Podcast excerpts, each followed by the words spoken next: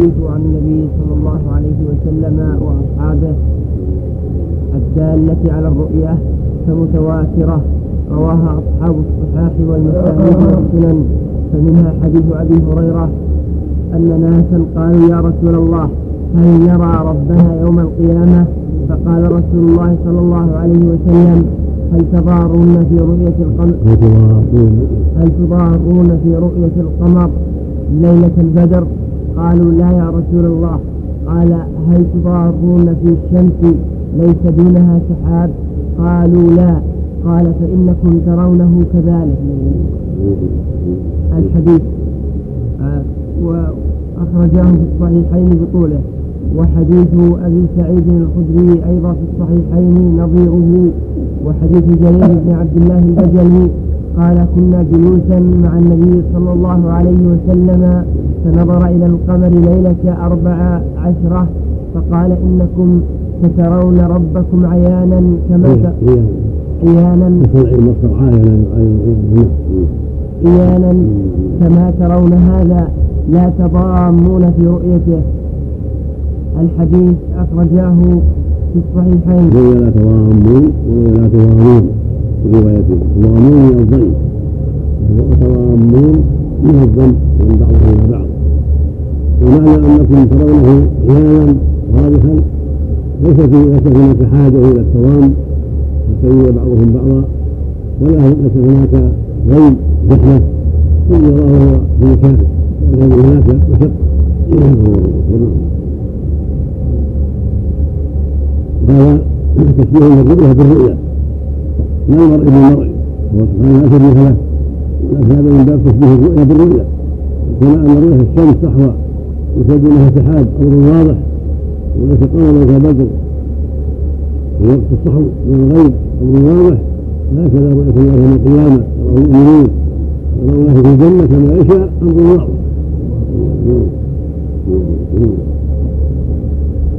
فرق بين تضارون وتضامون رواية تضامون والزين قال هو يزيده زينا وزحمه وشق عليه زحمه لزق بعضهم ببعض. وفق بعضهم ببعض. في الزحام يري بعضهم بعضا. ولكن تضامون لا يطلب بعضهم الرضوان إلى البعض. وهو يستوي الآخر. يؤذيه إياه.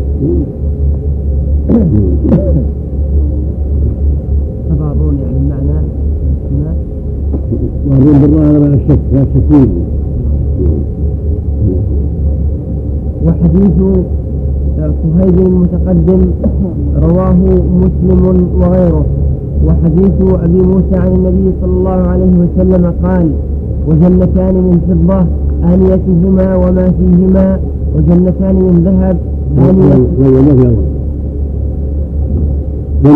جنتان من فضة آنيتهما وما فيهما وجنتان من ذهب آنيتهما وما فيها وما فيهما وما بين القوم وبين أن يروا ربهم تبارك وتعالى إلا آه الكبرياء على وجهه في جنة عدن. المتفق عليه وهو مخرج في الضعيف المتابعة هي أسباب هذا إيهام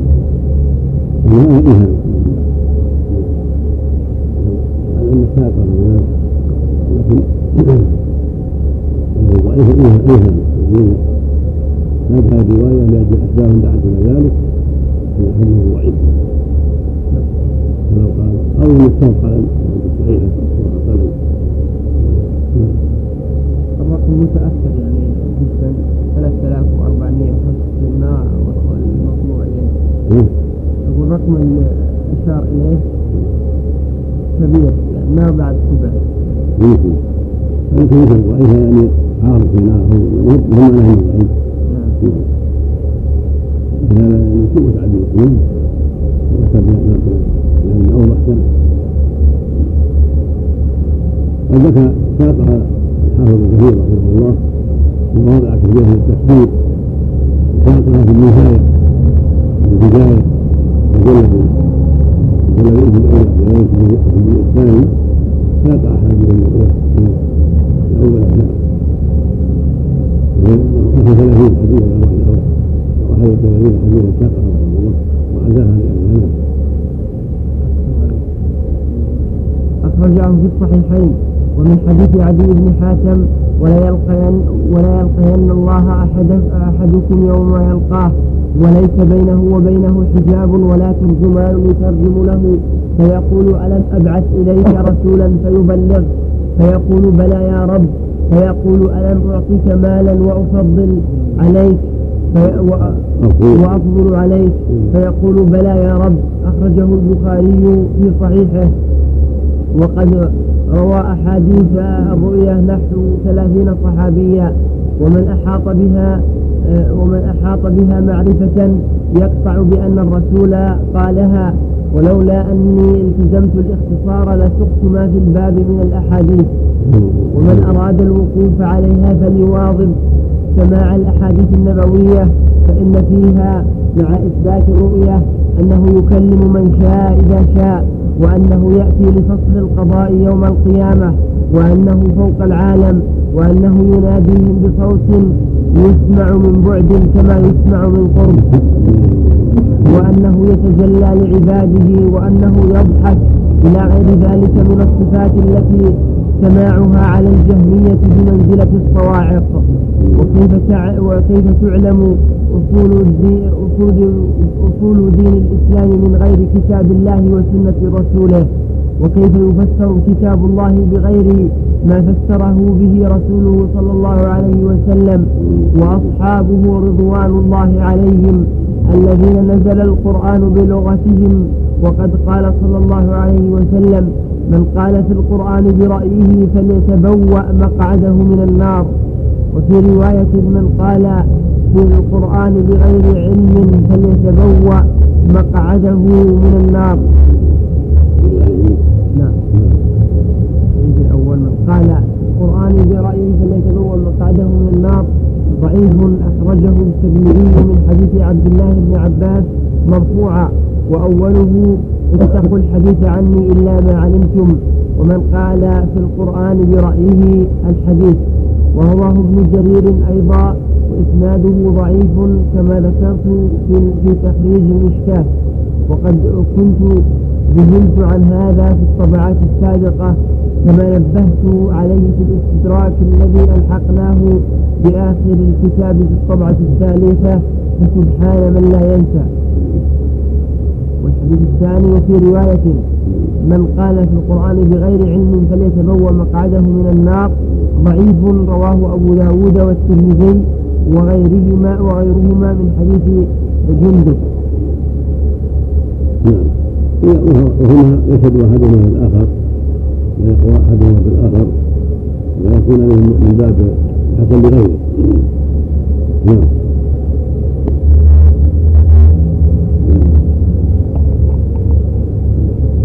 وهذا جزم به الشارع نعم لكن هذا يقال روي عن رسول نعم. وسئل أبو بكر رضي الله عنه عن قوله تعالى وفاكهة وأبا. ما الأب؟ فقال أي سماء تظلني وأي أرض تقل وتقلني تقلني إذا قلت في كتاب الله ما لا أعلم.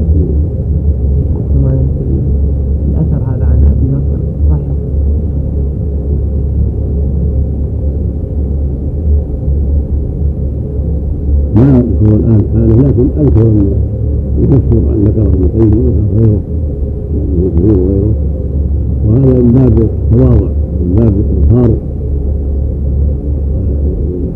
طريقة رأوا القاعدة الكلية في هذا الباب وأنه واجب على العلم على العالم وطالب العلم أن لا يقول له القرآن برأيه مطلقا ولو كان في الشيء القليل وإنما يقول عن نظر استدلال تأمل بعضهم استبعد هذا وقال ان هذا كفر في هذا لأن الاب معروف لكن على سبيل صحه الاثر فلعله قال حين لم يحضره انه سمعه الله بالعرب فقال هذا ينصح الاثر اما سب الحسنين ما يتبع اسانيدهم ما عليك عليه لا هذا نعم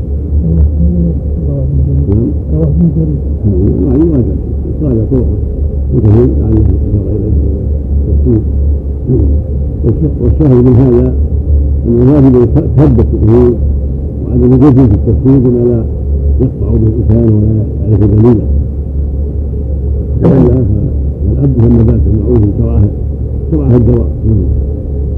وإن كان بعينه كأنه يخرجوه يطلق على كل علف كان الدواب أن تأكله وذكر بعدما يتعلق بالفاكهة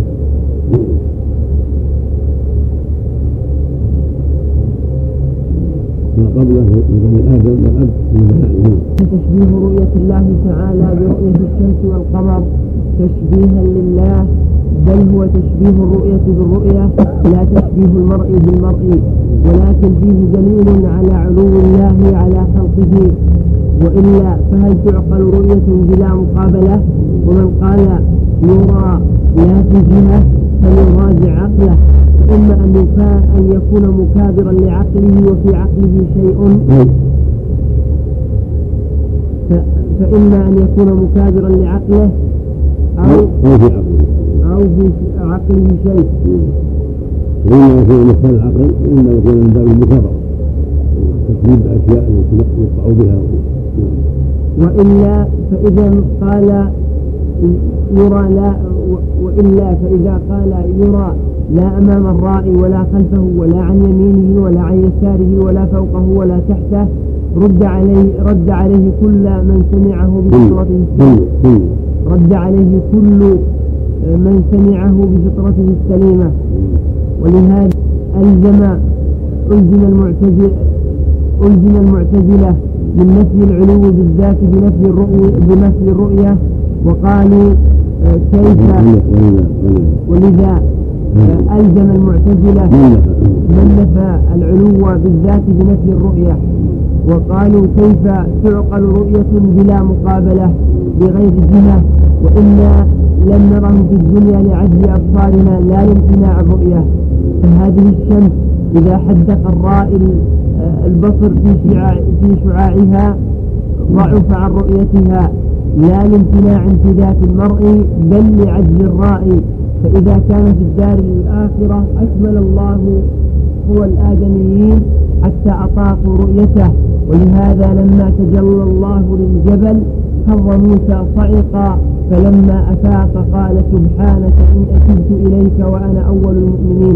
بأنه لا يراك آه، حي إلا مات ولا يابس إلا تدهده ولهذا كان البشر يعجزون عن رؤية الملك في صورته إلا من أيده الله كما أيد نبينا. قالوا قال تعالى وقالوا لولا أنزل عليه ملك ولو أنزلنا ملكا لقضي الأمر. قال غير واحد من السلف. لا يطيقون أن يروا الملك في صورته فلو أنزلنا عليهم ملكا لجعلناه في صورة البشر وحينئذ يشتبه عليهم هل هو بشر أو ملك ومن تمام نعمة الله علينا أن بعث فينا رسولا منا. الكلام هذا لما سبق كون الإنسان لا يعني يستطيع رؤية الله في الدنيا.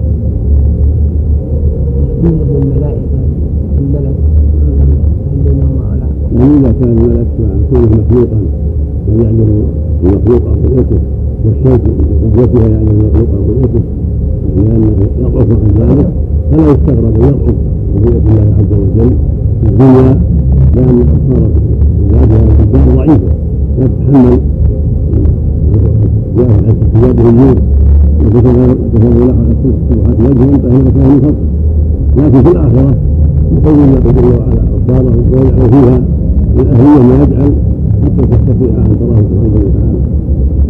ولأن الدنيا ليست دار نعيم وليست دار خير ولكنها دار عمل. وكان من صفات الله وحكمته أن جعل الرؤية في الآخرة في دار النعيم لا في دار العمل. فادخر هذه النعمة وهذا الخير وهذه الرؤية ادخرها ادخرها في الآخرة. في دار الجزاء لا في دار العمل ودار الامتحان فالرؤيا نعيم. خير من الله وادخرها الأولياء في لا بكرامه وجعل ابصارهم هنا التقوى على أن تراه سبحانه وتعالى وأن هنا هي تضعف عن ذلك ولم يقويها على الهوى حتى ترى لانها ليست دار نعيم ولكنها دار زوال ودار امتحان. فقضى خشيته سبحانه ان يدخر له الآخرة وأن تكون الابصار هنا على قدر حالها هنا.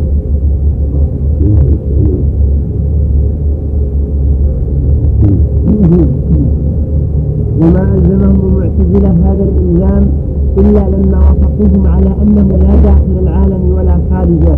لكن قول من أثبت موجودا يرى لا في جهة أقرب إلى العقل من قول من أثبت موجودا قائما بنفسه لا يرى ولا في جهة. لكن قول من أثبت موجودا يرى لا في جهة أقرب من إلى العقل من قول من أثبت موجودا قائما بنفسه لا يرى ولا في جهة. لكن كلاهما باطل كلاهما باطل. الإشكال يقول هذا أقرب. من أثبت موجودا لا يرى أقرب من من أثبت موجودا قائما بنفسه وهو على لا يرى. لكن لكن لكن قول من أثبت موجودا يرى لا في جهة أقرب إلى العقل من قول من أثبت موجودا قائما بنفسه لا يرى ولا في جهة يعني بالنسبة لقول الجميع كان الذي يرى لا في جهة أقرب من قول من قول قائما موجودا قائما بنفسه لكنه لا يرى ولا يكون كما تقول الجهمية يثبتون الرب عز وجل ثم يقول لا باقي العالم ولا خارجه ولا محايده ولا مباينه ولا فوقه ولا تحته ولا عن يمينه هذا معناه هذا وصف العدم لو اراد الحديث وصف العدم لا يستطيع يصفه باكثر من هذا نعم من مذهب المعتزلة أحسن إثبات الرؤية من إثبات الرؤية. من مذهب المعتزلة. لا. أرادوا يتحدون من أثبت العلم وقال أنه يرى أنه لا يرى كيف يثبت علم من يتحدون أنه علم وقال إنه علم إذا احتمل قوله من أثبت موجودا يرى لا تجاه من يقصد به؟ قوله يعني لكن قول من أثبت موجودا يرى لا في جهه من والبعض في كلام العلم يقول لا في جهه حتى من العلم ويقال لمن قال بنفي الرؤية الانتفاء لازمها وهو الجهة أتريد بالجهة أمرا وجوديا أو أمرا عدميا فإن أراد بها أمرا وجوديا كان التقرير. كل ما ليس في شيء موجود كل ما ليس في شيء موجود لا يرى. وهذه المقدمة ممنوعة.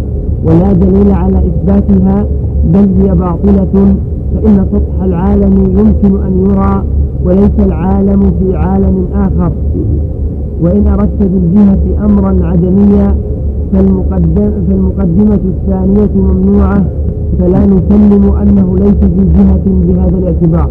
يعني فوق فوق العالم وهي جهة عدمية خالية وفوق العالم أن تقول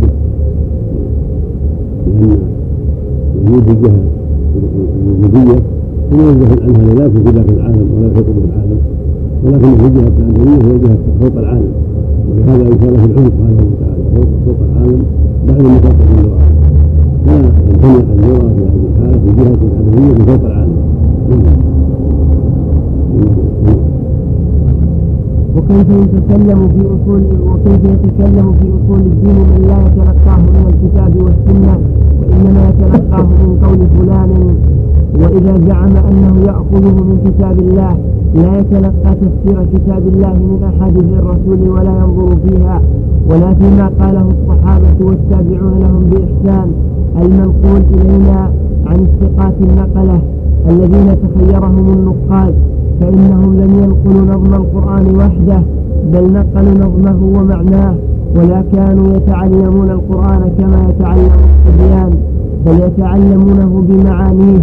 ومن لا يسلك سبيلهم فإنما يتكلم برأيه. ومن يتكلم برأيه وما يظنه دين الله ولم يتلق ذلك من الكتاب فهو مأثوم وإن أصاب. ومن أخذ من الكتاب والسنة فهو مأجور وإن أخطأ لكن إن أصاب يضاعف أجره. وقوله هذا هذا داؤهم داؤهم من حسن العقول والآراء وعرضوا عن الكتاب والسنة كل هذا يقع في الأخطاء والضلالات والأباطيل بإعراضهم الكتاب والسنة وتحكيم عقولهم الكاتبة الظالمة التي ليس عندها من النور والهدى ما يعينها على إثارة الحق. ما فاتهم النور وفاتهم الهدى بإعراضهم الله وسنة الرسول عليه الصلاة والسلام. وزعموا أنها ظواهر ونية لا تفيد اليقين وضلوا أضلوا نسأل الله وقوله والرؤية حق لأهل الجنة.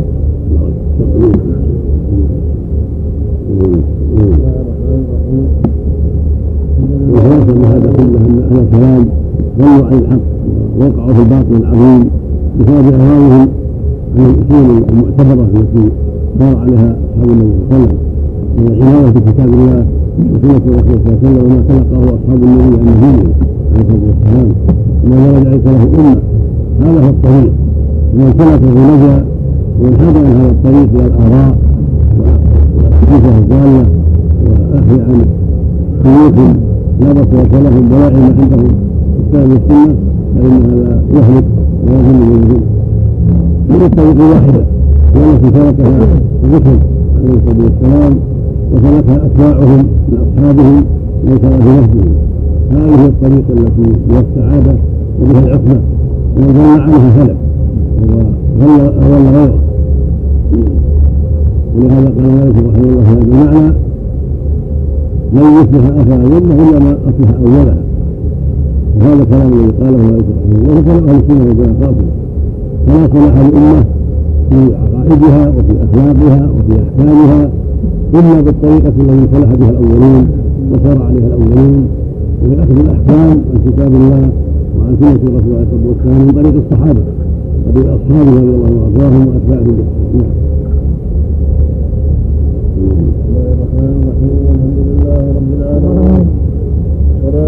نعم على أشرف الأنبياء ولهذا أجمع أهل السنة والجماعة أجمع أهل السنة والقاطبة كما جاء في كتاب السنة أن الله فوق العرش. وأن الله يعين سبحانه وتعالى. وأنه يدعى بالأعلى لا بالأسفل وأنه على كل شيء قدير. وأنه بكل شيء عليم سبحانه وتعالى وأنه يفعل ما يشاء. ويختار سبحانه وتعالى لا معقل لحكمه ولا رد لقضائه ثم أجمعوا على أنه الله في الآخرة. وهو يؤمنون بأبصاره رؤية حقيقية والله جعله في القيامة كما يشاء والله في الجنة كما يشاء سبحانه وتعالى. كل هذا أجمعوا عليه وأجمعوا أنه يتكلم إذا شاء تكلم فيما مضى ويتكلم إذا شاء وأنه وأنه توحيد من صفاته لا يشابه الحق جل وعلا. ولهذا قال عبد الله بن مبارك رحمه الله وغيره من السلف نعه ربنا بأن فوق سماواته على عرشه بائن من فوق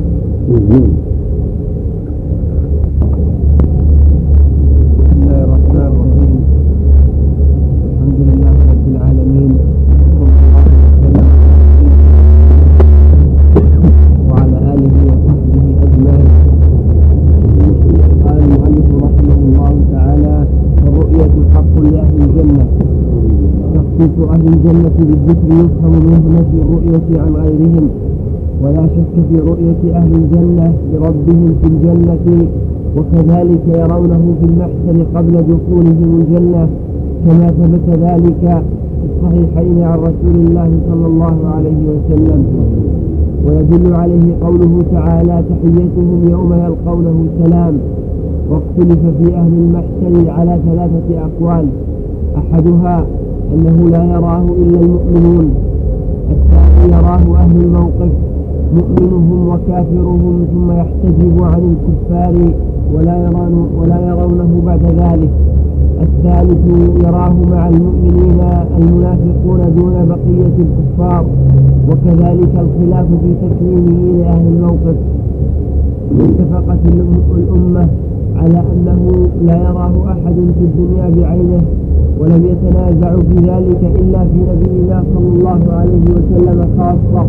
منهم من نفى رؤيته بالعين ومنهم من أثبتها له صلى الله عليه وسلم. وحكى القاضي عياض في كتابه الشفاء اختلاف الصحابة ومن بعدهم اختلاف الصحابة ومن بعدهم في رؤيته صلى الله عليه وسلم. وإنكار عائشة رضي الله عنها أن يكون صلى الله عليه وسلم رأى ربه بعين رأسه وأنها قالت لمسروق حين سألها هل رأى محمد ربه؟ فقالت لقد قف شعري مما قلت. ثم قالت من حدثك أن محمدا رأى ربه فقد كذب؟ ثم قال وقال جماعة بقول عائشة رضي الله عنها وهو المشهور عن ابن مسعود وأبي هريرة واختلف عنه. وقال بإنكار هذا وامتناع رؤيته في الدنيا جماعة من المحدثين والفقهاء والمتكلمين. وعن ابن عباس رضي الله عنهما أنه صلى الله عليه وسلم رآه بعينه. ضعيف أخرجه ابن خزيمة في التوحيد بألفاظ مضطربة مضطربة عنه موقوفا. وروى عطاء عنه أنه رآه بقلبه. ثم ذكر أقوالا وفوائد ثم قال وأما وجوبه لنبينا صلى الله عليه وسلم والقول بأنه رآه بعينه فليس فيه قاطع ولا نص والمعول فيه على آيتي النجم والتنازع فيهما مأثور والاحتمال لهما ممكن. وهذا القول الذي قاله القاضي عياض رحمه الله حق هو الحق فإن الرؤية في الدنيا ممكنة إذ لو لم تكن ممكنة لما سألها موسى عليه السلام لكن لم يرد نص بأنه صلى الله عليه وسلم رأى ربه بعين رأسه بل ورد ما يدل على نفي الرؤية وهو ما رواه مسلم في صحيحه آه، عن أبي ذر رضي الله عنه قال سألت رسول الله صلى الله عليه وسلم هل رأيت ربك؟ فقال نور أنا أراه. وفي رواية رأيت نورا. وقد روى مسلم أيضا عن أبي موسى الأشعري رضي الله عنه أنه قال قام فينا رسول الله صلى الله عليه وسلم بخمس كلمات. فقال إن الله لا ينام. ولا ينبغي له أن ينام يأخذ القسط ويرفعه. يرفع إليه عمل الليل قبل عمل النهار وعمل النهار قبل عمل الليل. حجابه النور. وفي رواية آه، النار. لو كشف لو كشفه لأحرقت سبحات وجهه ما انتهى إليه بصره من خلقه. فيقول والله أعلم معنى قوله لأبي ذر رأيت نورا أنه رأى الحجاب ومعنى قوله نور أن أراه النور الذي هو الحجاب يمنع من رؤيته فأن أراه أي فكيف أراه؟ والنور حجاب بيني وبينه يمنعني من رؤيته فهذا صريح في نفي الرؤية والله أعلم. هذا هو الصواب. مثل ما قال أبو ذر عن النبي صلى الله عليه وسلم الصواب أن أن أحد لم يره في الدنيا ولا أنه لا يرى في الدنيا. قدم لكم أن أن الرؤية من نوع النعيم وأن هذا من نعيم أهل الجنة وليس من نعيم أهل الدنيا. الله جل وعلا أخبر سبحانه وتعالى لا تدركه الأبصار. ويدرك الأبصار وهو اللطيف الخبير واحتجت في هذا عائشة على أنه لم يرى في الدنيا وثبت عنه صلى الله عليه وسلم أنه قال واعلموا أن أحد لا يرى ربه حتى يموت وقال رأيت نورا النور أن أراه فعلم بذلك أنه لم يرى ربه عليه الصلاة والسلام وأما غيره فقد أجمع المسلمين على أنه لم يراه أحد في الدنيا. ولما أراد موسى ذلك يرى ما جرى وقال قال له ما قال سبحانه وتعالى لن تراني ولكن هو الجبل أما في الآخرة فأجمع أهل السنة والجماعة بأنه يراه المؤمنون ولا يراه الكافرون كما قال عز وجل كلا إنهم عن ربهم واذا محجوبون. هذا مجمع عليه في الجنة. أما في موقف فهو الصواب أيضا أنه لا يراه إلا أهل المانع بعموم الآيات والأدلة. كلا إنهم عن ربهم يومئذ لمحجوبون يوم القيامة. والكفار لا يرونه لا في لا في المحشر ولا في الجنة. وإنما يراه أهل الإيمان كما أخبر الرحمن عز وجل وكما أخبر الرسول عليه الصلاة والسلام. أما أهل الموقف أما المنافقون فلهم شبهة لأن جاء بعض الأحاديث أنه يكلمهم وفيهم منافقوهم. ولكن النصوص واضحة في حرمان من رؤيته تعم المنافقين. لأن هذا النفاق أخبث الناس وأشده كفرا. وهم من باب أولى نسأل الله. نعم. وحكى عثمان بن سعيد الدارمي اتفاق الصحابة على ذلك. ونحن إلى تقرير رؤيته لجبريل أحوج منا إلى تقرير رؤيته لربه تعالى. وإن كانت رؤية الرب تعالى أعظم وأعلى. ثم ابن عباس جعل هذا وهذا جعل أنه رأى ربه جعل أنه رآه بفؤاده هذا لا منع أما بعينه لا. غير محفوظ عنه إنما جاء عنه بفؤاده أو الرؤيا مطلقة وهذا هو المحفوظ عنه عليه الصلاة والسلام بعين الرأس فلا محفوظ عنه صلى الله عليه وسلم نعم. والرؤيا مطلقة عنه تحمل مقيدة بقول بفؤاده بقلبه وإن كانت رؤية الرب تعالى أعظم وأعلى فإن النبوة لا يتوقف ثبوتها عليها البتة. وقوله بغير إحاطة ولا كيفية هذا لكمال عظمته وبهائه سبحانه وتعالى. لا تدركه الأبصار ولا تحيط به كما كما يعلم ولا يحاط به علما. قال تعالى لا تدركه الأبصار. وقال تعالى ولا يحيطون به علما. وقوله وتفسيره على ما أراد الله وعلمه إلى أن قال لا ندخل في ذلك متأولين بآرائنا ولا متوهمين بأهوائنا أي كما فعلت المعتزلة بنصوص الكتاب والسنة في الرؤية وذلك تحريف لكلام الله وكلام رسوله عن مواضعه فالتأويل الصحيح هو الذي يوافق ما جاءت به السنة والفاسد المخالف له فكل تأويل لم يدل التأويل الصحيح وافق النصوص. وما خالف النصوص هو التأويل الفاسد. ويقال التأويل النصوص هو التفسير. يقال تفسيرها. تأويلها تفسيرها. تأويل تأويلان. أحدهما تأويل النصوص بمعنى وقوع ما أخبرت به النصوص. عندما لا تأويله ليس تأويله يعني ما أخبرت به النصوص فيما يكون في الآخرة. فرؤية النار نعيم الجنة والمحشر يوم القيامة هو تأويله. والتأويل الثاني التفسير كما يقول ابن رحمه الله قول تأويل قوله تعالى كذا وكذا تفسيره أما التأويل الثالث فهو صرف اللفظ عن ظاهره إلى معنى آخر مرجوحا هذا هو الذي يصفه الكلام وهو ليس بصحيح. تأويل اللفظ عن ظاهره إلى معنى آخر لا يتبادر اللفظ وهو مرجوح. هذا لا لا يصح إلا إذا قام عليه الدليل إذا عاد إليه حاجة وقام عليه الدليل. سوى إليه نعم.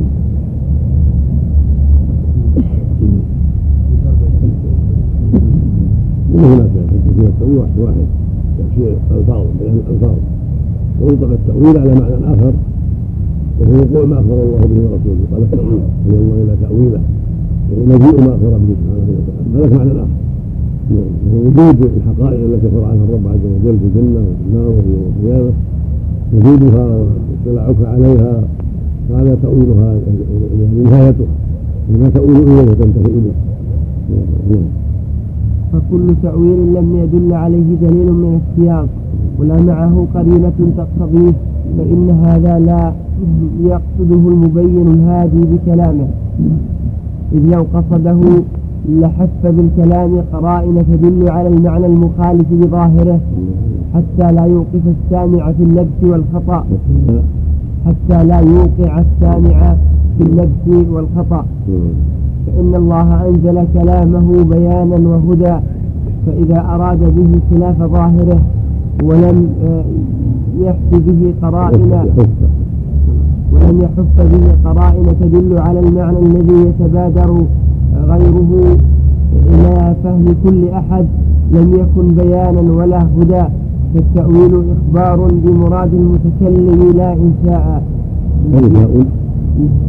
إخبار لا إنشاء. نعم لا فالتأويل إخبار بمراد المتكلم لا إنشاء وفي هذا الموضع يغلط كثير من الناس فإن المقصود فهم وفي قوله تعالى فهم من يفقه فيه فيتبع كان يشاهده وابتغاء تأويله ومعنى تأويله إلى الله. في القولين يوقف على جلاله والمراد بالتأويل هنا نهاية الشيء وعاقبته هذا لا يعلمه الله سبحانه وتعالى. ومن قرأ أن الله ورث من العلم أراد التفسير. لم يعلم تفسيره ولكن نهايته وما أراد الله منه هذا هو الذي لا يعلمه إلا الله كما في قوله سبحانه هدى من تأويله وما التأويل يكون قد قد جاءت قد جاءت بها بالحق يعني إذا رأوا ما خبر الله به يوم القيامة من أحوال الجنة والنار وأحوال القيامة حينئذ أيقنوا بالحقيقة وعرفوا الحقيقة وعرفوا أنهم كانوا في باطلهم كاذبين وقالوا غير وفي هذا الموضع يغلط كثير من الناس فإن المقصود فهم مراد المتكلم بكلامه. فإذا قيل معنى اللفظ كذا وكذا كان إخبارا بالذي على المتكلم فإن لم يكن الخبر مطابقا كان كذبا على المتكلم. ويعرف مراد المتكلم بطرق متعددة منها أن يصرح بإرادة ذلك المعنى. ومنها أن يستعمل اللفظ الذي له معنى ظاهر بالوضع ولا يبين بقرينة تصحب الكلام أنه لم يرد ذلك المعنى. فكيف إذا حف بكلامه ما يدل على أنه إنما أراد حقيقة حقيقته وما وضع له؟ كقوله وكلم الله موسى تكليما إنكم ترون ربكم عيانا كما ترون الشمس في الظهيرة ليس دونها حساب سحاب.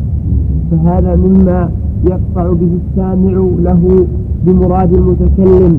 فإذا أخبر عن مراده بما دل عليه حقيقة حقيقة لفظه الذي وضع له مع القرائن المؤكدة كان صادقا في إخباره.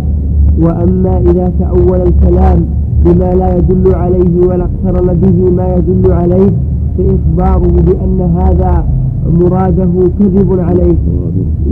بأن هذا مراده كذب عليه وهو تأويل بالرأي وتوهم وتوهم بالهوى. وحقيقة الأمر أن قول القائل نحمله على كذا أو نتأوله بكذا إنما هو من باب دفع دلالة اللفظ عما وضع له فإن منازعه لما احتج عليه به ولم يمكنه دفع وروده دفع معناه وقال أحمله على خلاف ظاهره. فإن قيل بل للحمل معنى آخر لم تذكروه وهو أن اللفظ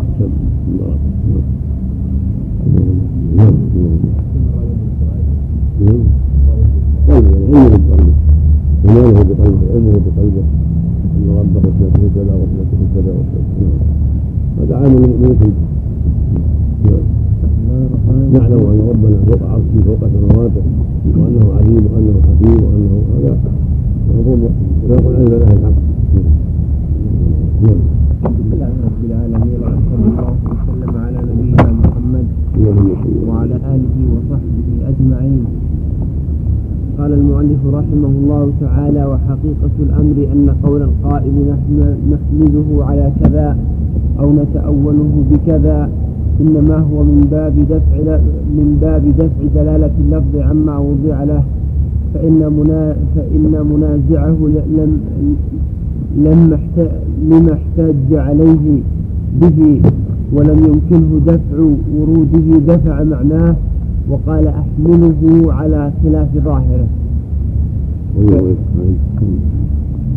وحقيقة الأمر أن قول القائل نحمل نحمله على كذا أو نتأوله بكذا إنما هو من باب دفع دلالة اللفظ عما وضع له فإن منازعه لما احتج عليه ولم يمكنه دفع وروده دفع معناه. وقال أحمله على فإن منازعه لما احتج, احتج عليه به ولم يمكنه دفع وروده. دفع وروده آه، دفع معناه. وقال أحمله على خلاف ظاهره. فإن قيل بل للحمل معنى آخر لم تذكروه وهو أن اللفظ لما استحال أن يراد به حقيقته وظاهره ولا يمكن تعطيله استدللنا بوروده وعدم إرادة ظاهره على أن مجا على أن مجازه هو المراد فحملناه عليه دلالة لا ابتداء. قيل فهذا المعنى هو الإخبار عن المتكلم أنه أراد وهو إما صدق وإما كذب كما تقدم. ومن الممتنع أن يريد خلاف حقيقته وظاهره ولا يبين للسامع المعنى ومن الممتنع أن يريد خلاف حقيقته وظاهره. وظاهره ولا يبين للسامع المعنى الذي أراده بل يعرف بكلامه ما يؤكد إرادة الحقيقة. بل يعرف بكلامه ما يؤكد بل يعرف بكلامه ما يؤكد إرادة الحقيقة. ونحن لا نمنع أن المتكلم قد يريد بكلامه خلاف ظاهره إذا إذا قصد التعمية على السامع حيث يسوغ ذلك. ولكن المنكر أن يريد بكلامه خلاف حقيقته وظاهره إذا قصد البيان والإيضاح وإفهام مراده. كيف والمتكلم يؤكد كلامه بما ينفي المجاز ويكرره غير مرة. ويضرب له الأمثال. وقوله فإنه ما سلم في دينه. هذا واضح فإن الشارع إنما جاء بغاية البيان والإيضاح. وخاطب الأمة بما يعرفون ويفهمون. وأوضح لهم الدلائل على إثبات صفاته وأسمائه عز وجل. وأنه رب العالمين وأنه مستحق العبادة سبحانه وتعالى. فتؤول أسمائه وصفاته على خلاف ظاهرها معناه تعظيم النصوص ومعناه سوء ظن بالله عز وجل وسوء ظن برسوله عليه الصلاة والسلام واعتقاد غير لائق أنه ما أراد من كلامهما مر خلاف ظاهر ذلك. هذا من باب التعنيه من باب الغش والخيانه لا من باب النصح والبيان. فكلام الله وكلام الرسول فنزه عما يقوله أعداء الله والظالمين من البدع وسوء الظن بالله عز وجل وبرسوله عليه الصلاة والسلام. نعم. من قول الشيخ والمتكلم يؤكد كلامه بما ينفي المجاز إيش اللي ينفي المجاز؟ يوضح الحقيقة يتكلم الله موسى تكليما مما يهدم كلام الله تنزيل من الرحمن الرحيم كل يبين انه حقيقه كلام الله حقيقه ينزل اراده بكلام الله وقوله فإنه ما سلم في دينه إلا من سلم لله عز وجل ولرسوله صلى الله عليه وسلم ورد علم ما اشتبه عليه إلى عالمه أي سلم لنصوص الكتاب والسنة ولم يتعرض عليها بالشكوك والشبه والتأويلات ولم يعترض ولم يعترض عليها بالشكوك والشبه والتأويلات الفاسدة أو بقوله العقل يشهد بضد ما دل عليه النقل والعقل أصل النقل فإن عارضه قدمنا العقل. فإذا عارضه قدمنا العقل وهذا لا يكون قط. لكن إذا جاء ما يوهم مثل ذلك فإن كان النقل صحيحا فذلك الذي يدعي أنه معقول إنما هو مجهول. ولو حقق النظر لظهر ذلك. وإن كان النقل غير صحيح فلا يصلح للمعارضة فلا يتصور أن يتعارض عقل صريح ونقل صحيح أبدا. ويعارض كلام من يقول ذلك بنظيره. إذا توهم المتوكل أن هذا النقل وعارض النقل أو القارئ كله فإنه بين أمرين. إما يكون ما توهمه عقلا ليس بعقل. وإنه شبهات وترهات لا حقيقة لها وإما يكون النقل ليس بثابت وليس بصحيح. نقل صحيح صريح فإنه لا يخالف عقلا صحيحا صريحا أبدا. فإن الشريعة كاملة جاءت بما يطابق العقول لا يخالفها ولا ولا تخالف العقول.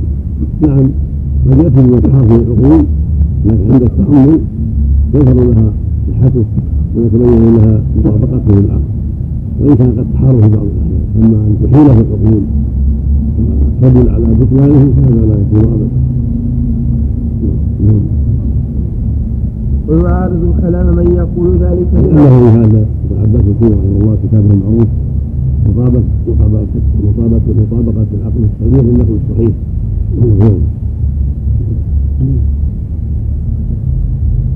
ويعارض كلام من يقول ذلك بنظيره. فيقال إذا تعارض العقل والنقل وجب تقديم النقل لأن الجمع بين المدلولين جمع بين النقيضين ورفعهما رفع النقيضين وتقديم العقل ممتنع لأن العقل قد دل على صحة السمع ووجوب قبول ما أخبر به الرسول صلى الله عليه وسلم.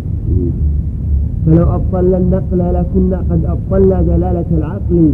ولو أبطلنا دلالة العقل لم يصلح أن يكون معارضا للنقل لأن ما ليس بدليل لا يصلح لمعارضة شيء من الأشياء. فكان تقديم العقل موجبا موجبا عدم تقديمه فلا يجوز تقديمه. وهذا بين واضح. فإن العقل هو الذي دل على صدق السمع وصحته وهو الذي آخر وهو أن عقول الناس متفاوتة. فبأي عقل في ذنب النصوص والناس لا حصر لها. مختلفة قناقع كثيرة فبأي عقل في ذنب النصوص وقد جعلها الله ميزة بها البهائم وإذا بها ما يضرهم وما ينفعهم. إذا عرف طالب العلم عقله صحة هذا النقل واستقامة في إسناده فليس له أن يخالفه أبدا لأنه قدح في العقل حينئذ قدح في الإمامة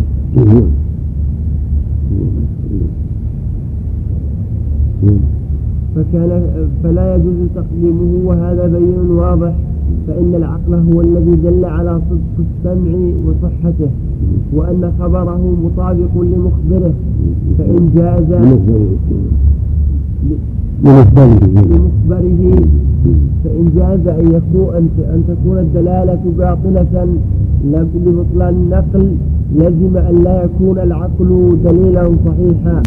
وإذا لم يكن دليلا صحيحا لم يجوز أن يتبع بحال فضلا على فضلا عن أن يقدم.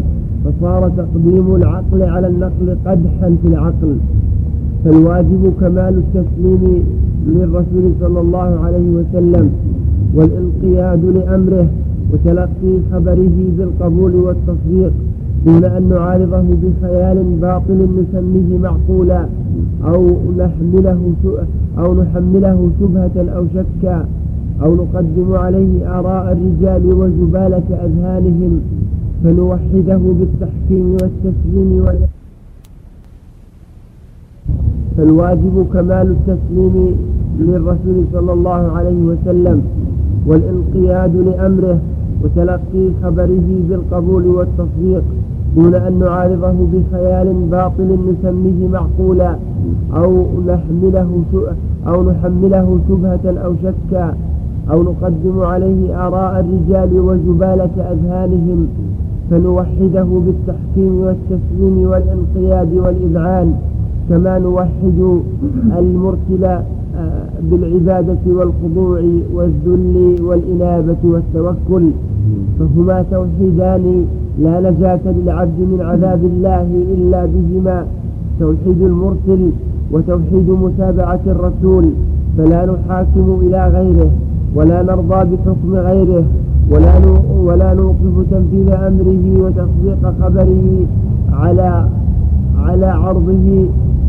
على قول شيخه وإمامه وذوي مذهبه وطائفته ومن يعظمه ومن يعظمه.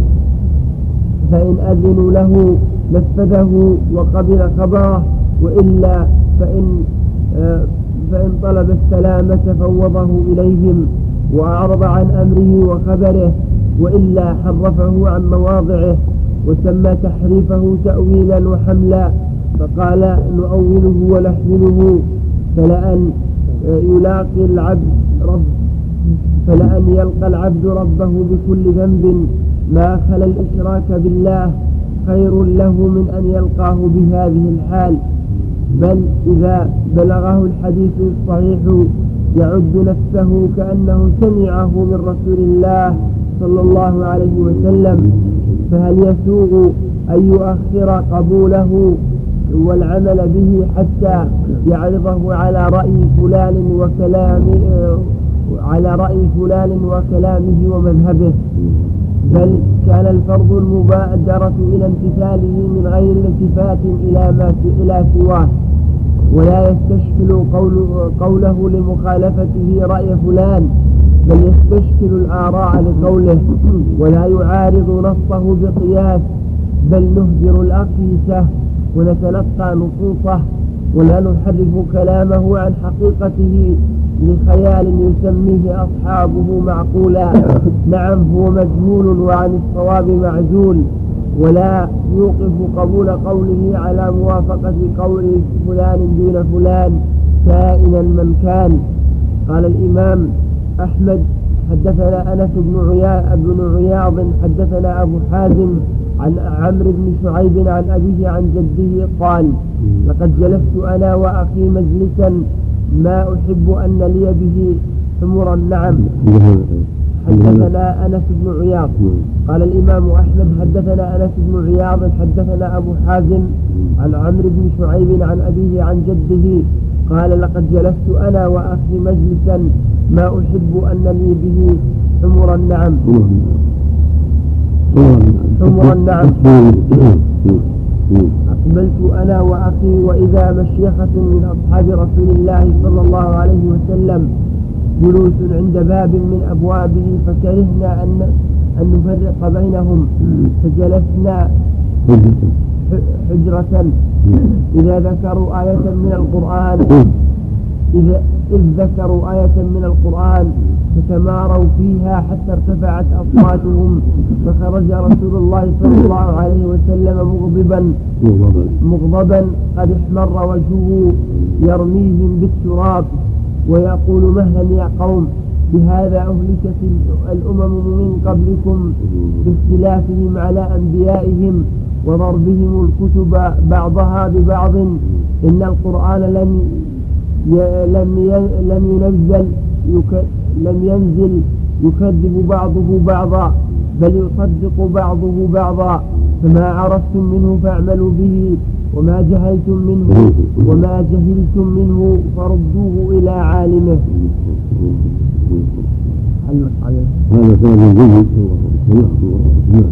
قال صحيح وأخرجه البغوي أيضا في شرح السنة رقم 121 طبع المكتب الإسلامي ورجاله ثقات على خلاف معروف في عمرو بن شعيب.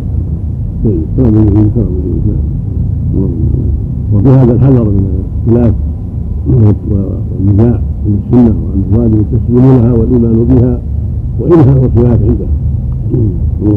نعم. أخو عمرو بن عبد الله بن عمرو بن العاص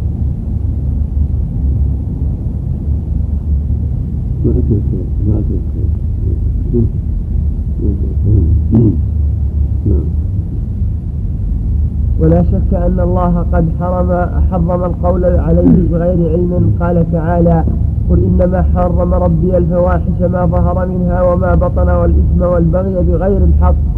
وأن تشركوا بالله ما لم ينزل به سلطانا وأن تقولوا على الله ما لا تعلمون.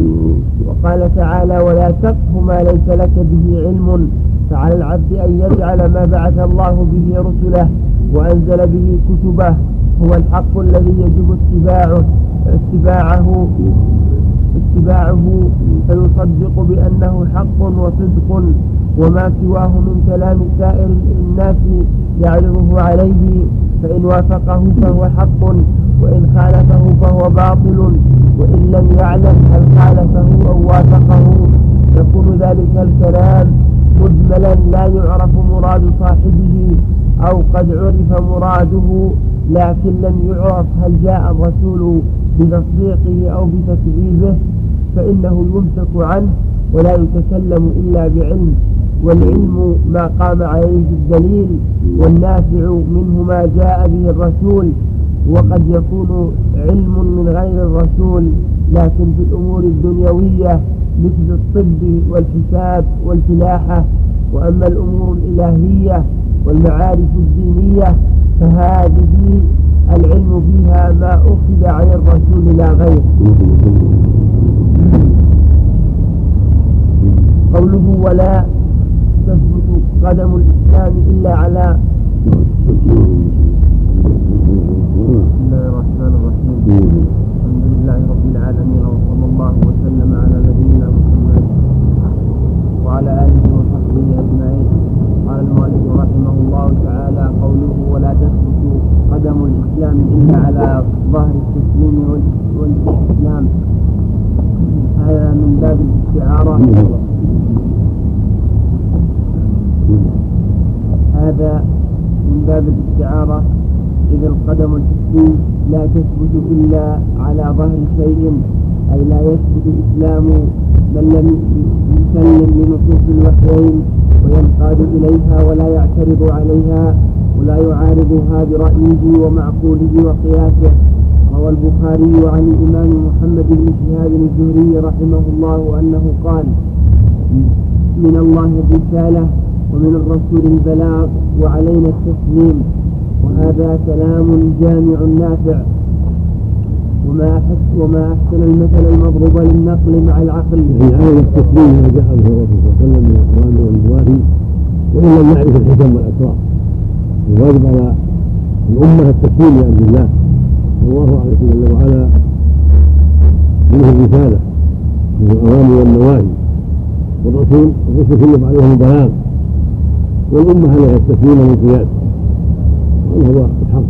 قاله قاله الرجل أيضا الحاصل أن الامه عليها التسليم والانقياد بامر الله والتصديق بأقداره مطلقا ولو لم تعلم معنى ذلك الشيء.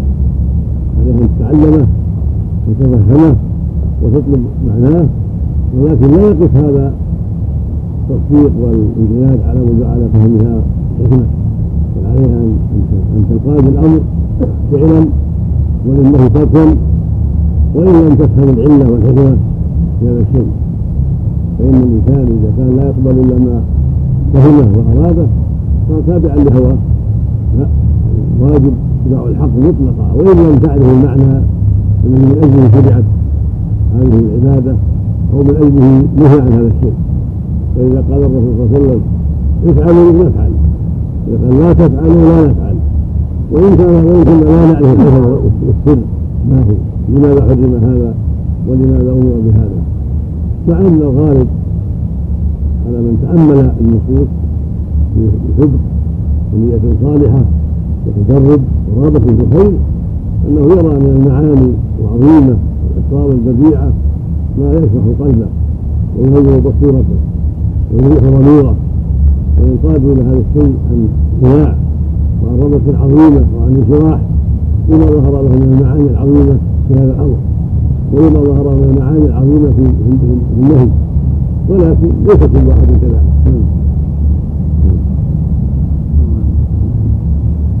وما أحسن المثل المضروب للنقل مع العقل وهو أن الإنسان مع النقل كالعامي المقلد مع العالم المجتهد بل هو دون ذلك بكثير.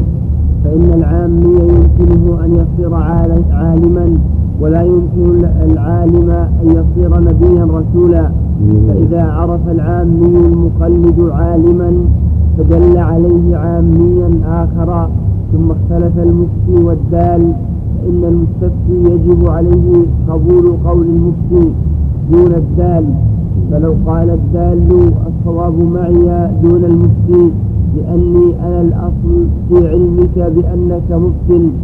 فإذا قدمت قوله على قولي قدحت في الأصل الذي به عرفت أنه مبتل فلزم القدح في فرعه فيقول له المستفتي أنت لما شهدت له بأنه مبتل ودللت عليه شهدت, شهدت له بوجوب تقليده دونك فموافقتي لك في هذا العلم المعين لا تستلزم موافقتك في كل مسألة وخطأك فيما خالفت فيه المفتي الذي هو أعلم منك لا يستلزم خطأك في علمك بأنه مفتن هذا تقريبا. يعني العاقل عرفت به صحة الرسالة وجاءت الرسالة وصدق الرسول صلى الله عليه وسلم لكن لا يلزم من هذا من هذا الطريق أن نقدم هذا الدليل على وعرفنا صدقه وأمانته. وذاك آية عرف بها صدق الرسول صلى الله عليه وسلم وبعد ذلك لا يجوز أن يقدم العقل على هذا الذي عرفنا أمانته وصدقه وأنه لا ينطق عن الهوى. أما العقل فقد يخطئ ويخطئ. ثم العقول لا حد لاختلافها فعلى أي عقل تعرض النصوص ويصدق.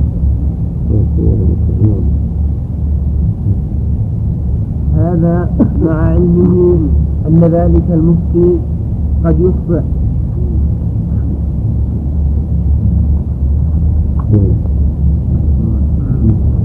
والعاقل يعلم أن الرسول معصوم في خبره عن الله تعالى.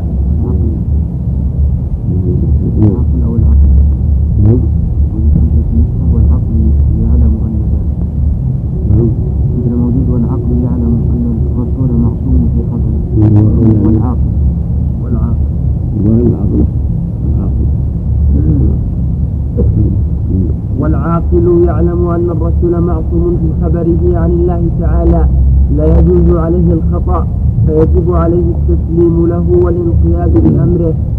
وقد علمنا بالاضطرار من دين الإسلام أن الرجل لو قال للرسول هذا القرآن ثم سقط إلى صفحة 145 السطر الرابع.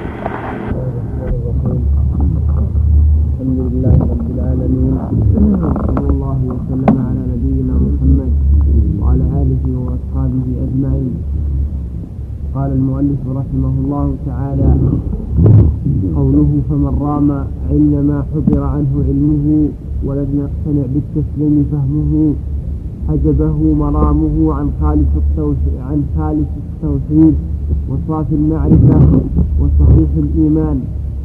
هذا تقرير للكلام الأول وزيادة تحذير أن يتكلم في أصول الدين بل وفي غيرها بغير علم. قال وقال تعالى ولا تقف ما ليس لك به علم إن السمع والبصر والفؤاد كل أولئك كان عنه مسؤولا. وقال تعالى ومن الناس من يجادل في الله بغير علم ويتبع كل شيطان مريد. ويتبع كل شيطان ويتبع كل شيطان مريد. كتب عليه أنه من تولاه فأنه يضله ويهديه إلى عذاب السعير. وقال تعالى ومن الناس من يجادل في الله بغير علم ولا هدى ولا كتاب منير. ثاني عطفه ليضل عن سبيل الله له في الدنيا خزي ونذيقه يوم القيامة عذاب الحريق. وقال تعالى ومن هذه الآيات كلها تدل على وجود حذر من القول على الله بغير علم. لا يجوز لك تتكلم في دين الله لا في العقائد والأصول ولا في الأحكام. إلا بعلم من كتاب الله وسنة الرسول عليه الصلاة والسلام أو ينقل عن أهل العلم. أما يخوض في غير علم فهذا فيه فيها فيه وعيد شديد وهو من التخلف الذي حرمه الله. بل جعل الله قول عليه بغير علم في رتبة فوق الشرك نسأل الله العافية. وجعل ذلك أمن الشيطان. كما قال عز وجل قل إنما حرم ربي الفواحش ما ظهر منها وبطن والإثم والبغي بغير الحق وأن تشركوا بالله ما لم ينزل به سلطانا وان تقولوا على الله ما لا تعلمون. قال تعالى يا أيها الناس كلوا من حالا طيبا ولا تتبعوا خطوات الشيطان إنه لكم عدو مبين. إنما يأمركم بالسوء والفحشاء وأن تقولوا على الله ما لا تعلمون. هذا دليل على عظم خطر القول على الله بغير علم وأنه من الفواحش الكبيرة ومن المحرمات المنكرة وأن الواجب على المؤمن أن يحذر شر اللسان وقال تعالى ومن أضل ممن اتبع هواه بغير هدى من الله إن الله لا يهدي القوم الظالمين وقال تعالى إن يتبعون إلا الظن وما تهوى الأنفس ولقد جاءهم من ربهم الهدى يعني كفر. هم كفر. وأن وأن عمدتهم على اتباع الظن والهوى نسأل الله يعني هذه أصولهم. الهوى المتبع والظن الفاسد. من يتبع الا الظن وما تهوى الامر ليس عندهم علم ولا قصد صالح لا علم نافع ولا قصد صالح هذه حال أهل البدع والشرك انما يتبعون اهواءهم وانما يعتمدون على الظن اما أهل العلم والايمان فإنه تتقي على العلم النافع والقصد الصالح الإخلاص هكذا يجب على طالب العلم يكون في قصده مخلصا لله يريد وجهه والدار الآخرة ليس اتباع الهوى وأن يكون على علم على بينة على أساس مستقيم.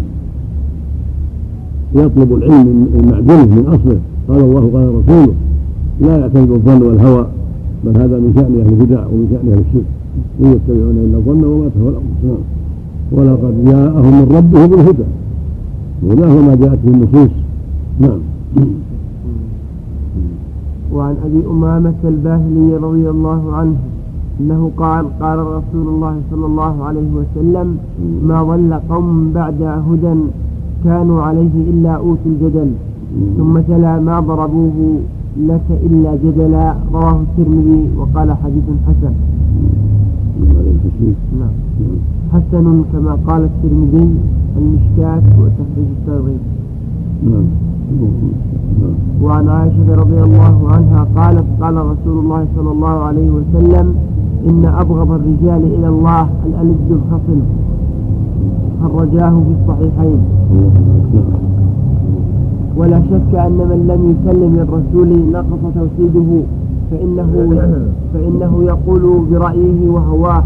الألد الخصم هو الذي يجادل بغير حق ويأخذ بموج الطرق. هكذا وهكذا.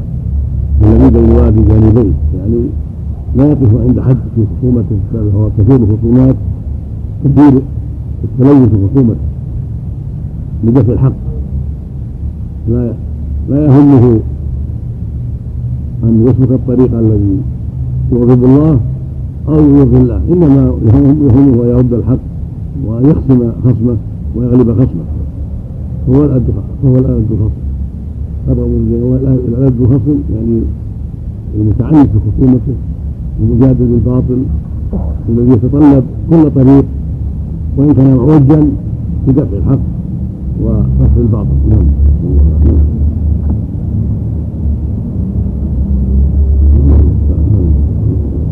فينتقص من توحيده بقدر خروجه عما جاء به الرسول عما جاء به الرسول. فإنه قد اتخذه بذلك إلها غير الله. قال تعالى أفرأيت من اتخذ إلهه هواه؟ أي عبد ما تهواه نفسه. وإنما دخل الفساد في العالم من ثلاث فرق. كما قال عبد الله بن المبارك رحمه الله رحمة الله عليه رأيت الذنوب تميت القلوب. وقد وقد يورث الذل, الذل إدمانها. وقد يورث الذل إدمانها وترك الذنوب حياة القلوب وخير لنفسك عصيانها. وهل أفسد الدين إلا الملوك وأحبار سوء ورهبانها؟ فالملوك صدق رحمه الله. ما أفسد دين الناس القديم والحديث إلا ذلك. هل أفسد الدين اليهود إلا علماؤهم؟ الضالين المغلوب عليهم. وعبادهم الضالين وهل أفسد دين النصارى ومن قبلهم؟ حتى الدين نوح الظالمين المجرمين الجاهلين وهكذا هذه الأمة إنما أفسد دينها وأوقع فيها الشر والفتن والتفرق والاختلاف علماء السوء الذين ليس عندهم علم وبصيره وهم يدعون العلم وينسبون إلى العلم. ورهبانها الضالين المعتدون العابدون على جهالة وعلى غير علم فيحسبهم الناس على علم ويتأسون به وهكذا الملوك غالبهم هكذا غالب الملوك هكذا. ليس كلهم غالبهم هكذا. غالب الملوك يتبعون أهواءهم وينشدون مصالحهم وان كان في ذلك ما يضر الأمة. ولكن فيهم الملوك الصالحون وفيهم الأخيار ولكن الأغلب وهذا نعم. والعبره في الأغلب. نعم. من هذا قوله جل وعلا الملوك اذا دخلوا قريه افسدوها هذا شانهم في الأغلب. لكن مثل الصلحاء منهم داوود ولا داوود ولا سليمان والملوك الأخيار كمعاويه واشباه من ملوك المسلمين وعمر بن عبد العزيز واشباههم هم ملوك خلفاء وهكذا كل ملك يأمر بتقوى الله وينهى عن الباطل غير داخل في الذنب. الذنب ينصب على كل ملك آه، لا يحكم شرع الله ولا يجوب إلى طاعة الله. اللهم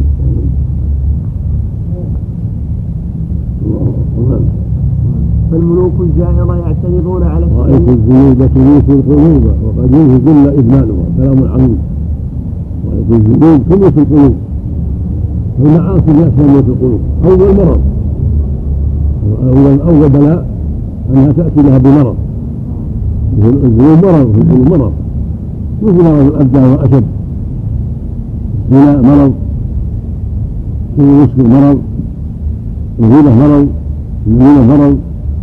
سب الشتم بغير مرض كل هذا المرض قد يزداد حتى يموت صاحبه. حتى يموت القلب كما يزداد على البدن فيموت البدن. وقد يورث قبل التحقيق. قد يورث الذل إدمانها إدمان الذنوب. يورث الذل في الدنيا والآخرة. الذل في الدنيا يحتقره الناس ويفترح وتقام عليه الحدود ويكون ذليلا بين المؤمنين بسبب المعاصي. وفي الآخرة إلى النار نعوذ بالله. والذل أشد من ذل أهل النار صلى الله عليه وسلم. وترك الذنوب حياة القلوب تركها حياة لها. مثل ما أن ترك أسباب مرض البدن من أسباب حياة البدن. كان المريض من أسباب الحياة ومن جهة الطبيب الصالح واستقام على هذا جاءت الحياة ورجعت إليه الحياة. هكذا ترك الذنوب وترك المعاصي يسبب رجوع الحياة إلى القلب والسلامة إلى القلب. والانتعاش والبصيرة وتكون من حياة القلوب وخير نفسك عصيانها خير نفسك عصيانها. من خير الله في الدنيا والآخرة أن تعصيها بمخالفة هواها. تعصيها في الشيء الذي يغضب الله. أما طاعتها فيما أباح الله معلوم لكن لما كان الغالب على النفوس الأمر بالفحش والمنكر صار خيرا لك عصيانها نعم. نعم. فالملوك الجائرة يعترضون على الشريعة بالسياسات الجائرة. هذا من بحر متقارب. تعون تعون تعون. نعم. نعم فالملوك الجائرة يعترضون على الشريعة بالسياسة بالسياسات الجائرة ويعارضونها بها ويقدمونها على حكم الله ورسوله وأحبار السوء. وهم العلماء الخارجون عن الشريعة بآرائهم وأقيستهم الفاسدة المتضمنة تحليل ما حرم الله ورسوله وتحريم ما أباحه واعتبار ما ألغاه والإلغاء ما اعتبره وإطلاق ما قيده وتقييد ما أطلقه ونحو ذلك والرهبان وهم جهال المتصوفة المعترضون على حقائق الإيمان والشرع بالأذواق والمواجيد والخيالات والكشوفات الباطلة الشيطانية المتضمنة شرعا شرع دين لم يأذن به الله وإبطال دينه الذي شرعه على لسان نبيه صلى الله عليه وسلم والتعوض عن حقائق الإيمان بخدع الشيطان وحظوظ النفس. بخدع الشيطان وحظوظ النفس. فقال الأولون إذا تعارض في السياسة والشرع قدمنا السياسة. وقال الآخرون إذا تعارض العقل والنقل قدمنا العقل. وقال أصحاب الذوق إذا تعارض الذوق والكشف وظاهر الشرع قدمنا الذوق والكشف. ذوقه باطل ذوقه ووقعته فيه اللهم نعم. ما تعني كلمة الكشف والذوق؟ لأن يكتشفون بصفاء قلوبهم بزعمهم بخلواتهم وأنسهم بالله يظهر لهم كشف من ربهم يخالف ما ما هو ظواهر ما جاءت في الرسل. ويقول بعضهم ان ان أنهم عندهم يعني من العلوم ما ليس عند الرسل. يجرهم الباطل إلى هذا حتى يقول ان ان إن, بعضهم يقول حدثني قلبي عن ربي. يعني ما في واسطة. نعم. ما في واسطة الرسل. نعم. ينتهي الأمر إلى أنهم يتلقون بزعمهم علومهم من جهتهم بمن يخلوا عن ربهم مباشرة. نعم جهل زائد يقول للعامة الشرائع الظاهرة ولنا الحقائق الباطنة نعم ومن كلام أبي حتى آل بهم الحال إلى أنهم تسقط عنهم التكاليف. لا صلاة ولا صوم ولا زكاة ولا زنا ولا كل لأن وصلوا إلى حالة يعني من قربهم من الله ورضي عنهم أسقط عنهم التكاليف. هكذا فعل بهم الشيطان نعم صلى الله وسلم على نبينا محمد وعلى آله وصحبه أجمعين قال المؤلف رحمه الله تعالى ومن كلام أبي حامد الغزالي رحمه الله تعالى في كتابه الذي سماه إحياء علوم الدين وهو من أجل كتبه أو أجلها فإن قلت فعلم الجدل والكلام مذموم كعلم النجوم أو هو مباح أو مندوب إليه. فاعلم أن للناس في هذا غلوا وإسرافا في أطراف. فمن قائل أنه بدعة وحرام وأن العبد أن يلقى الله بكل ذنب سوى الشرك خير له من أن يلقاه بالكلام. ومن قائل إنه فرض إما على الكفاية وإما على الأعيان وأنه أفضل الأعمال وأعلى القربات فإنه تحقيق لعلم التوحيد ونضال عن دين الله. قال وإلى التحريم ذهب الشافعي ومالك وأحمد بن حنبل وسفيان وجميع أئمة وسفيان وجميع أئمة الحديث من السلف. وساق الألفاظ عن هؤلاء. قال وقد اتفق أهل الحديث من السلف على هذا لا ينحصر ما نقل عنهم من التشديدات فيه. قالوا ما سكت عنه الصحابة مع أنهم أعرفوا بالحقائق وأفصحوا بترتيب الألفاظ من غيرهم إلا لما يتولد منه من الشر. وكذلك قال صلى الله عليه وسلم هلك المتنطعون أي المتعمقون في البحث والإستقصاء. واحتجوا أيضا بأن ذلك لو كان من الدين لكان أهم ما يأمر به رسول الله صلى الله عليه وسلم ويعلم طريقه ويجني على أربابه. ثم ذكر بقية استدلالهم. ثم ذكر استدلال الفريق الآخر إلى أن قال فإن قلت فما المختار عندك؟ فأجاب بالتفصيل فقال فيه منفعة وفيه مضرة. فهو في وقت الانتفاع حلال أو مندوب أو واجب كما يقتضيه الحال وهو باعتبار مضرته في وقت الاستضرار ومحله حرام. قال فأما مضرته فإثارة الشبهات وتحريك العقائد وإزالتها عن الجزم والتصميم وذلك مما يحصل بالابتداء ورجوعها بالدليل مشكوك فيه ويختلف فيه الأشخاص. فهذا ضرره في اعتقاد الحق وله ضرر في تأكيد اعتقاد البدعة وتثبيتها في صدورهم. فهذا ضرره في اعتقاد الحق وله ضرر في تأكيد اعتقاد البدعة وتثبيتها في صدورهم. بحيث تنبعث دواعيهم ويشتد حرصهم على الإصرار عليه. ولكن هذا الضرر بواسطة التعصب الذي يثور من الجدل. قال وأما منفعته فقد يظن أن فائدته كشف الحقائق ومعرفتها على ما هي عليه وهيئتها. فقد يظن أن فائدته كشف الحقائق كشف الحقائق ومعرفتها على ما هي عليه وهيئتها. فليس في الكلام وفاء بهذا المطلب الشريف ولعل التخبيط والتضليل أكثر من الكشف والتعريف. ولعل التخبيط والتضليل أكثر من الكشف والتعريف. قال وهذا إذا سمعته من محدث أو حشوي ربما خطر بذلك أن الناس أعداء ما جهلوا أن الناس أعداء ما جهلوا فاسمع هذا ممن خبر الكلام ثم قاله بعد حقيقة الخبرة وبعد التغلغل فيه إلى منتهى درجة المتكلمين وجاوز ذلك إلى التعمق في علوم أخر سوى نوع الكلام وتحقق أن الطريق إلى حقائق المعرفة من هذا الوجه مسدود ولعمري لا ينفك الكلام عن كشف وتعريف وإيضاح لبعض الأمور ولكن على الندور انتهى ما نقلته عن الغزالي رحمه الله.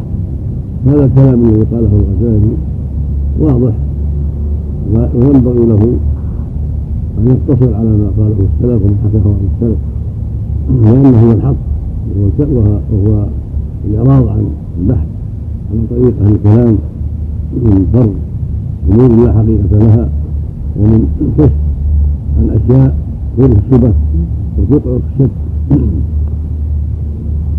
وقد أعرض سلف الصالح عن علم وتركوا هذا البحث عن يقين وعن بصيرة فالطريق هو طريقهم فلا حاجة إلى البحث. الجوهر العرض وأشباه ذلك وبحث الجسم ومراكب الجسم وكيف كذا وكيف كذا. فإن هذا لا خير فيه وضرره أكثر وإنما الواجب تلقي ما جاء به الكتاب والسنة بالقبول والإيمان والإلهام وإنظار الأمور كما جاءت في آيات الله في آيات الصفات وأسمائها في توحيد الله وبيان حقه والإعراض عما وقع فيه أهل الكلام الذين تركوا العناية بالكتاب والسنة وأقبلوا على قول فلان وفلان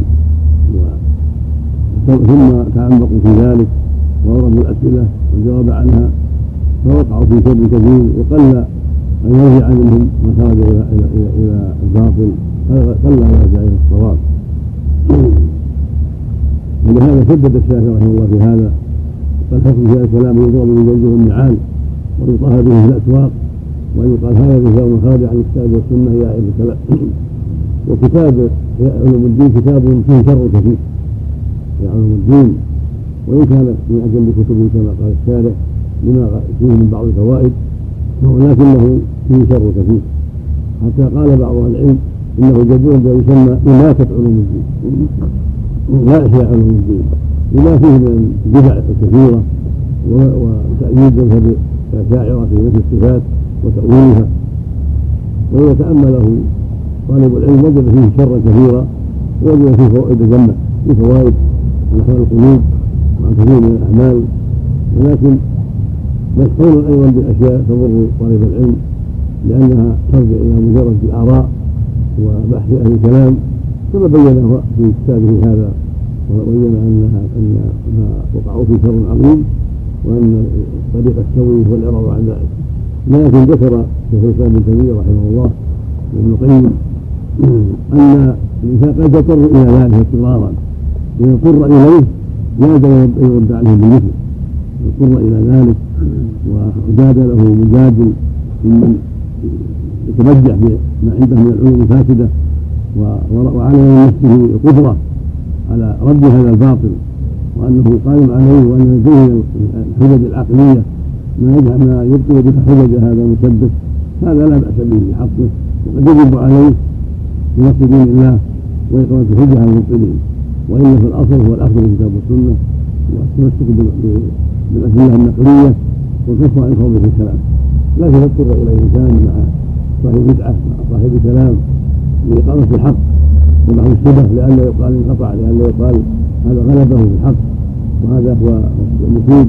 إذا خشي هذا واضطر إلى رد من طريق العقل من طريق البحث العقلي الكلام وكانت عنده في هذا خطيئة.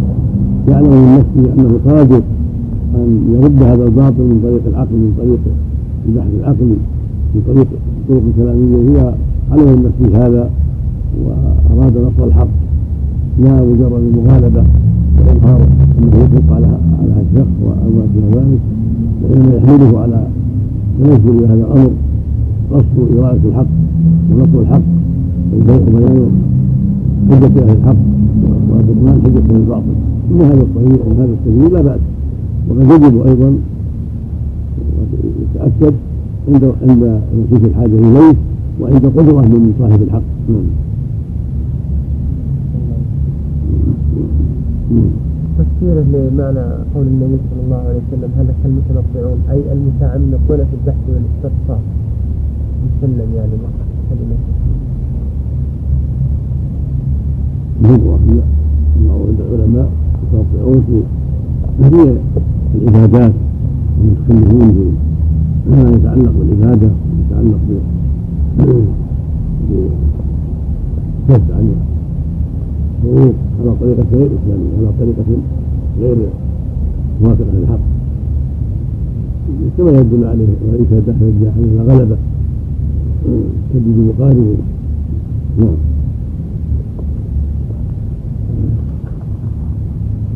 وكلام مثله في ذلك حجة بالغة والسلف لم يكرهوه لمجرد كونه اصطلاحا جديدا على معان صحيحة كالاصطلاح على ألفاظ العلوم الصحيحة. ولا كرهوا أيضا الدلالة على الحق والمحاجة لأهل الباطل بل كرهوه لاشتماله على أمور كاذبة مخالفة آه، للحق آه، ومن ذلك مخالفتها للكتاب والسنة. وما فيها من علوم صحيحة فقد وعروا الطريق إلى تحصيلها وأطالوا الكلام في إثباتها مع قلة نفعها فهي لحم جمل غث آه، على رأس جبل وعر لا سهل فيرتقى ولا سمين فينتقى وأحسن ما عندهم فهو في القرآن أصح تقريرا وأحسن تفسيرا. فليس عندهم إلا التكلف والتطويل والتعقيد. فليس عندهم إلا التكلف والتطويل والتعقيد. كما قيل لولا التنافس في الدنيا لما وضعت لما وضعت كتب التناظر لا المغني ولا العمدي. لولا التنافس في الدنيا لما وضعت كتب التناظر لا المغني ولا العمد. يحلل يحللون بزعم منهم عقدا. يحللون بزعم منهم عقدا وبالذي وضعوه زادت العقد.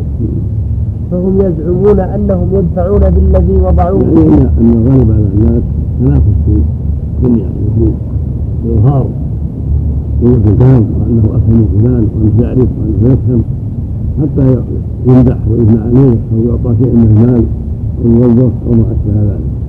فلهذا جاءت كتب الخلاف في الأغلب يعني.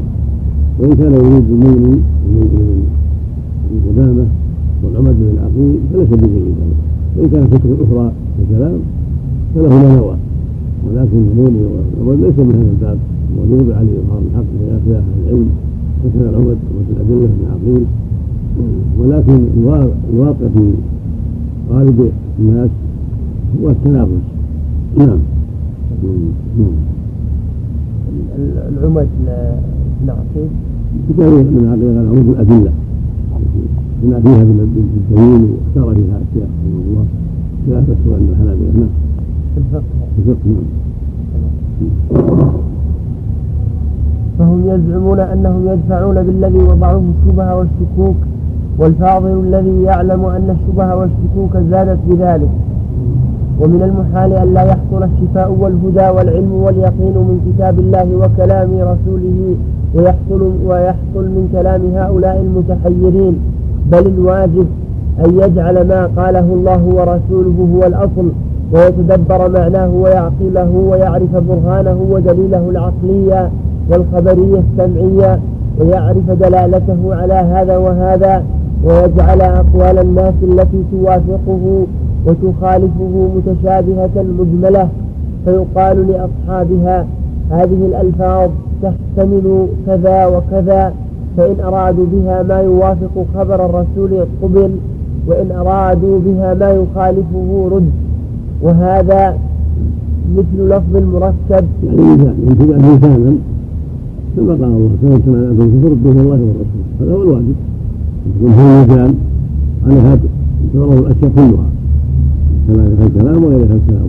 جميع المتنافعين تعرض أقوالهم وأفعالهم واختياراتهم وافكارهم تعرض على هذا الميزان العظيم. على كتاب الله وسنه الرسول عليه الصلاه والسلام وما بينه العلم بمعانيهما ثم وافق ذلك ووافق هذا الأصلين قبل واذا رد على قائل. هذا كما يكون في مسائل خلافيه في الأحكام يكون مسائل العقائد أيضا من باب أولى. نعم. وهذا مثل لفظ المركب والجسم والتحيز والجوهر والجهة والحيز والعرض ونحو ذلك. العرض والعرض والعرض فإن هذه الألفاظ لم تأتي بالكتاب والسنة بالمعنى الذي يريده أهل الاصطلاح بل ولا في اللغة بل هم يخصون بالتعبير بها عن معان لم يعبر لم يعبر غيرهم عنها بها. فتفسر تلك المعاني بعبارة بعبارات أخر وينظر ما دل عليه القرآن من الأدلة العقلية والسمعية وإذا وقع الاستفسار والتفصيل تبين الحق من الباطل. مثال ذلك في التركيب فقد صار له معاني. أحدها التركيب من متباينين فأكثر ويسمى تركيب مزج كتركيب الحيوان من الطبائع من الطبائع الأربع والأعضاء ونحو ذلك. وهذا المعنى منفي عن الله سبحانه وتعالى ولا يلزم من وصف الله تعالى بالعلو ونحوه من صفات الكمال أن يكون مركبا بهذا المعنى المذكور. والثاني ترتيب الجوار كمصراعي الباب ونحو ذلك. ولا يلزم أيضا من ثبوت صفاته تعالى إثبات هذا التركيب الثالث التركيب من الأجزاء المتماثلة وتسمى الجواهر المفردة. الرابع التركيب من الهيول والصورة. من الهيولة والصورة كالخاتم مثل مثلا. هيولة الفضة وصورته معروفة. الهيولة من المادة المادة والصورة. هذه اصطلاحات كلها؟ خبيثة كلها. هيولة المادة والصورة كون الحلقة يقول سيف هيولة مادة السيف الحديد والصورة كونها يقطع به كيف صوت على على صوت شيء يقطع به يستنزف نعم ومن هذا يتوسلون إلى نفي الصفات من هذا يتوسلون إلى نفي الصفات فان اذا قلت ان الله جل وعلا موصوف بصفه إنه سميع بصير قالوا هذا معناه مركب الماده والصورة يكون سميع شابه المخلوقين فتنفى الصفات نعم فيقع فيها الاباطيل كثيره نعم واذا قالوا في التقييم انه معناه مركب ذات واجزاء أخرى كاليد فيقال هذا هذا تركيب المخلوق ركبه الله كما يشاء من لحم ودم وعروق وعظام وغير ذلك. وهو منزه عن صفات صفات المخلوقين. وهو سبحانه وتعالى له ذات لا يعلم كيفيتها إلا هو وله صفات لا يعلم كيفيتها إلا هو. فهو موصوف بأنه ذات وله صفات من سمع وبصر وعلم ويد وقدم واسباع وغير ذلك لا يخشى بصفات المخلوقين فلا فما حاجة في هذا البحث. لا لا وجه له وإنما يفضي إلى الشر والفساد والمقالة الكافرة؟ يقول الفرق جزء الفرق لا لا ينقسم. الجزء اليسير الكبير لا ينقسم. كل السيرة اليسير لا من الأشياء الجزء اليسير لا ينقسم نعم كما يقول في ابن الكيمياء ان هذه الحيوانات يعني تتركب من خلايا وان الذره يقولونها اصغر جسمها الكيمياء لها بحث اخر نعم غير قابله للاستفهام وأهل الكلام قالوا إن الجسم يكون مركبا من الجواهر المفردة ولهم كلام في ذلك يطول ولا فائدة فيه وهو أنه هل يمكن التركيب من جزئين أو من أربعة أو ستة أو ثمانية أو ستة عشر؟ وليس هذا التركيب لازما لثبوت صفاته تعالى وعلوه على خلقه والحق أن الجسم غير مركب من هذه الأشياء وإنما قولهم مجرد دعوة وهذا مبسوط بموضعه. الخامس التركيب من الذات والصفات. آه، هم سموه تركيبا لينفوا به صفات الرب تعالى وهذا اصطلاح منهم لا يعرف في اللغة ولا في استعمال الشارع فلسنا نوافقهم على هذه التسمية ولا كرامة. ولئن سموا إثبات الصفات تركيبا فنقول لهم العبرة للمعاني لا للألفاظ. سموه ما شئتم ولا يترتب على التسمية بدون المعنى حكم. فلو اصطلح فلو اصطلح على تسمية اللبن خمرا لم يحرم بهذه التسمية. السادس. لأن الإخبار بالحقائق والمعاني لا بالألفاظ. نعم.